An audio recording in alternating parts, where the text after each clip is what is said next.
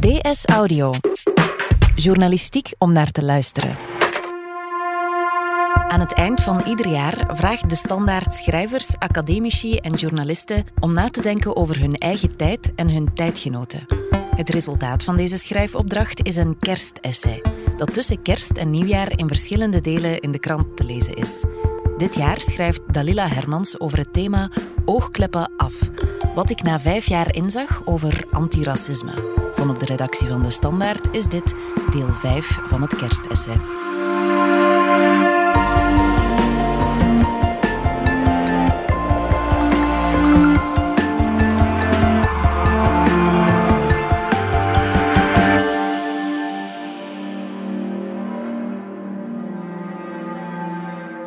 Elke lezing of workshop die ik geef, begin ik met een verhaal over mevrouw de Schepper. Ze was mijn leerkracht Nederlands in het vierde middelbaar.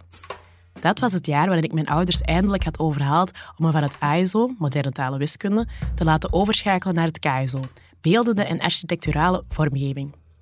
In die tijd, 18 jaar geleden, werd die omschakeling nog gezien als afzakken. Ik behaalde prima resultaten in het ASO, maar wilde creatief bezig zijn en zeurde iedere zomer om te mogen schakelen. Toen ik net in het KSO was begonnen, kregen we voor het vak schilderkunst een grote opdracht. We moesten ons verkleden in wat we later wilden worden, een foto nemen en op basis daarvan een levensgroot portret schilderen. Op zich geen moeilijke opdracht. Maar ik schreef dagboeken vol over de stress die de opdracht me bezorgde. Ik kon niets bedenken. Dat veranderde toen ik een melige romantische film zag, Waiting to Exhale. De film volgt vier zwarte vrouwen, onder wie mijn idool Whitney Houston en Angela Bassett. Het personage van Bassett ondergaat een transformatie in de film. Haar man, een rijke zakenman, blijkt een affaire te hebben met een witte vrouw en wil scheiden. Wanneer zijn vrouw daarachter komt, steekt ze zijn meest kostbare kleding, juwelen en auto in de fik. Daarna pakt ze het slimmer aan. Ze spant een rechtszaak tegen hem aan om de zaak over te nemen. In een scène wandelt ze de rechtbank binnen met een nieuwe korte snit en in een strak maatpak. Ik zag dat als 15-jarige en besliste dat dat wil ik later worden. Een vrouw die de touwtjes in handen heeft. Een zwarte vrouw die met opgeheven hoofd respect afdwingt. Ik nam een foto van mezelf in een geleend maatpak met een kaft in de handen en schilderde mezelf als zakenvrouw. Toen onze schilderijen werden geëxposeerd op school, nam mevrouw de Schepper me apart. Ze snapte het niet, zei ze. Ze vond het een prima portret, maar zag in mij geen enkele ambitie om de zaakwereld in te gaan. Ze had gelijk. Ik vertelde over die film, en ze liet me meteen verstaan, Dalila, jij kunt alles worden wat je wil. Daar heeft je huiskleur niets mee te maken. Ik heb vele jaren nodig gehad om dat gesprek te begrijpen. Wat mijn leerkrachten toen al beseften, was dat mijn probleem een gebrek aan representatie was. Ik had zo'n nood aan een zwarte vrouw als rolmodel dat een B-film met Angela Bassett genoeg was om me eindelijk een richting in het leven te geven. Ik ben het nooit vergeten.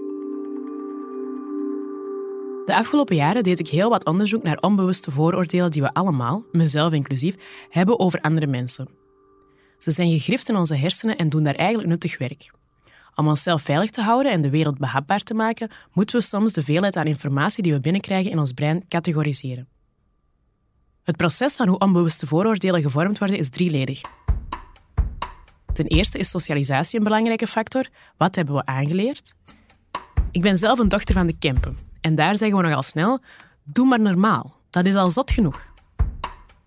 Daarnaast is het zeer Vlaams om discreet en bescheiden te zijn.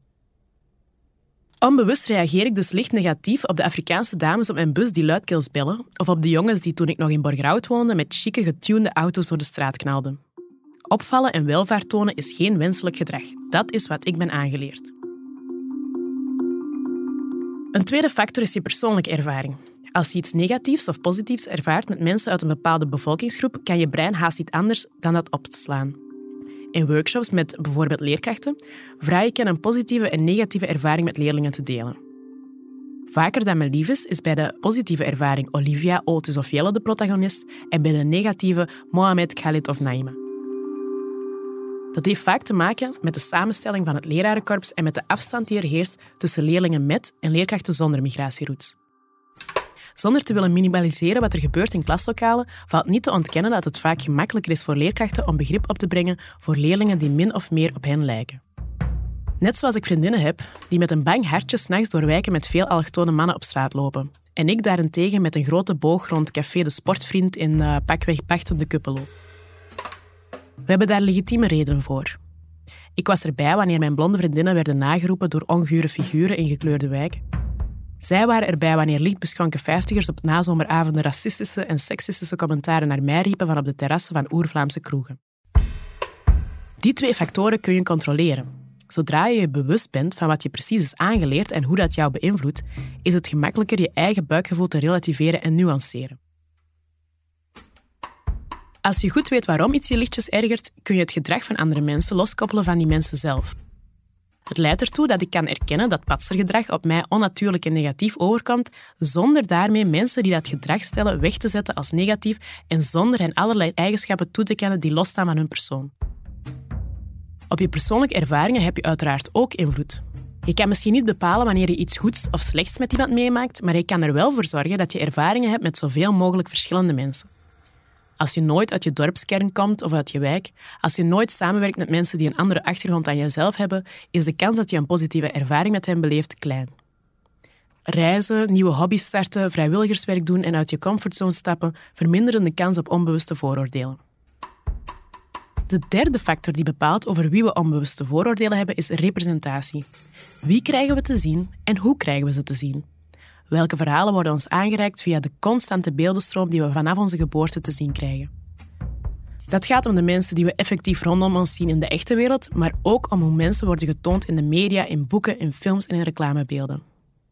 Het allerbelangrijkste dat ik heb geleerd na vijf jaar actief racisme bestrijden is hoeveel impact representatie heeft.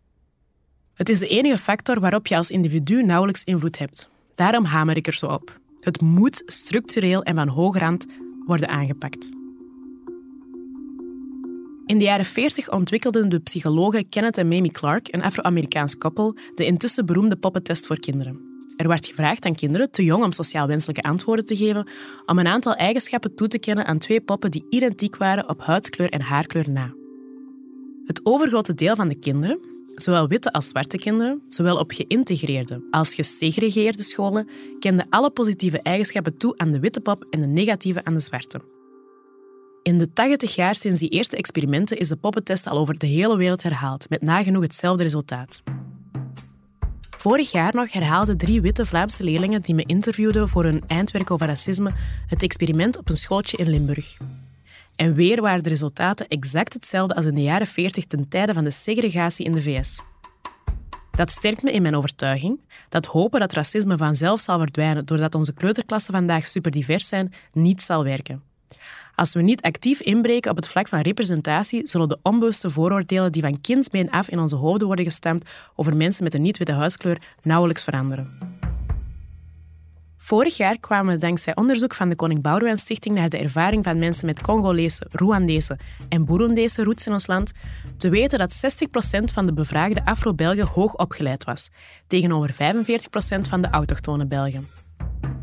Toch krijgt deze groep vier keer meer dan gemiddeld te maken met werkloosheid. Ik ben er vast van overtuigd dat die cijfers alles te maken hebben met representatie. Wanneer ik in lezingen vraag om tien bekende zwarte mensen in de media bij ons op te noemen die geen atleet zijn, raken we daar nooit. Zelfs tien mensen met migratieroutes tout is moeilijk. Als ik vraag in welk debat ze een zwarte politicus zagen, komen we niet veel verder dan Pierre Compagnie of Asita Kanko en beide zijn vrij recent de politieke arena ingestapt. Als ik hen vraag wanneer ze voor het eerst in hun schoolcarrière een leerkracht hadden die niet wit was, komen ze haast altijd uit bij hetzelfde antwoord dat ik na drie jaar kleuterschool, zes jaar lagere school, zes jaar middelbare school en vier jaar hoger onderwijs moet geven. Dat is nooit gebeurd. Als ik vraag aan mensen wat het laatste boek is dat ze hebben gelezen van of over een zwarte persoon, volgt meestal stilte. Als ik zelf in boekenwinkels op zoek ga naar een kinderboek met een donker personage, vind ik er nauwelijks. Er zijn meer kinderboeken met dieren of voorwerpen in de hoofdrol dan met niet-witte personages. Wat we wel te zien krijgen, is een karikatuur van zwarte mensen die anderhalve maand per jaar overal te zien is. En dus helemaal niet zo'n onschuldig onderdeel van een kinderfeest is. Wat we wel te zien krijgen zijn koloniale beelden die zwarte mensen als karikaturale, onderontwikkelde wilden of dommeriken tonen.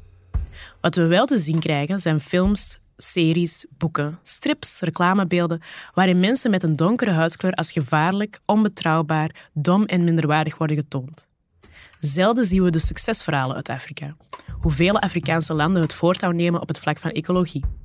Hoe Rwanda en Ethiopië het hoogste aantal vrouwen in de regering hebben. Zelden zien we hoe er hier bij ons een gigantische groep hoogopgeleide vrouwen met hijab rondloopt die ontzettend boeiende dingen doen. Al die verhalen zijn er en smeken om verteld te worden. Maar zolang we de urgentie en de impact van representatie niet erkennen, zullen ze nauwelijks het daglicht zien. Nog meer dan kennis verspreiden over de historische realiteit die tot de machtsverhoudingen in de wereld vandaag heeft geleid, is de beeldvorming aanpakken de topprioriteit in de antiracisme-strijd. Natuurlijk heeft Zwarte Piet te maken met werkloosheidscijfers. Als je van jongs af aan geconditioneerd wordt om donkere mensen als een soort karikaturale sprookjesfiguur te benaderen, is het niet onlogisch dat je bij aanwervingsprocedures onbewust sceptisch kijkt naar de intelligentie van de donkere sollicitant. Zo werkt ons brein nu eenmaal. Het is ontzettend jammer voor iedereen om dat potentieel aan intellect en innovatie en die markt aan consumenten te blijven negeren. Racisme is een beest met vele koppen dat je niet kunt bestrijden met één strategie of oplossing. Maar ik geloof oprecht dat met een grondige en diepe shift in representatie en beeldvorming de basis gelegd kan worden voor een maatschappij waarin het niet elk aspect van ons dagelijks leven beheerst. Als columnist, auteur en maker vertel ik verhalen. En dat wil ik blijven doen, zodat de 15-jarige Dalilas van vandaag zich niet maandenlang moeten afvragen wat ze überhaupt kunnen worden in het leven.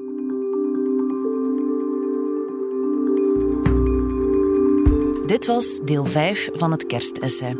Pieter Schrevens deed de audioproductie. Op maandag 6 januari zijn we terug met de dagelijkse actuele podcast.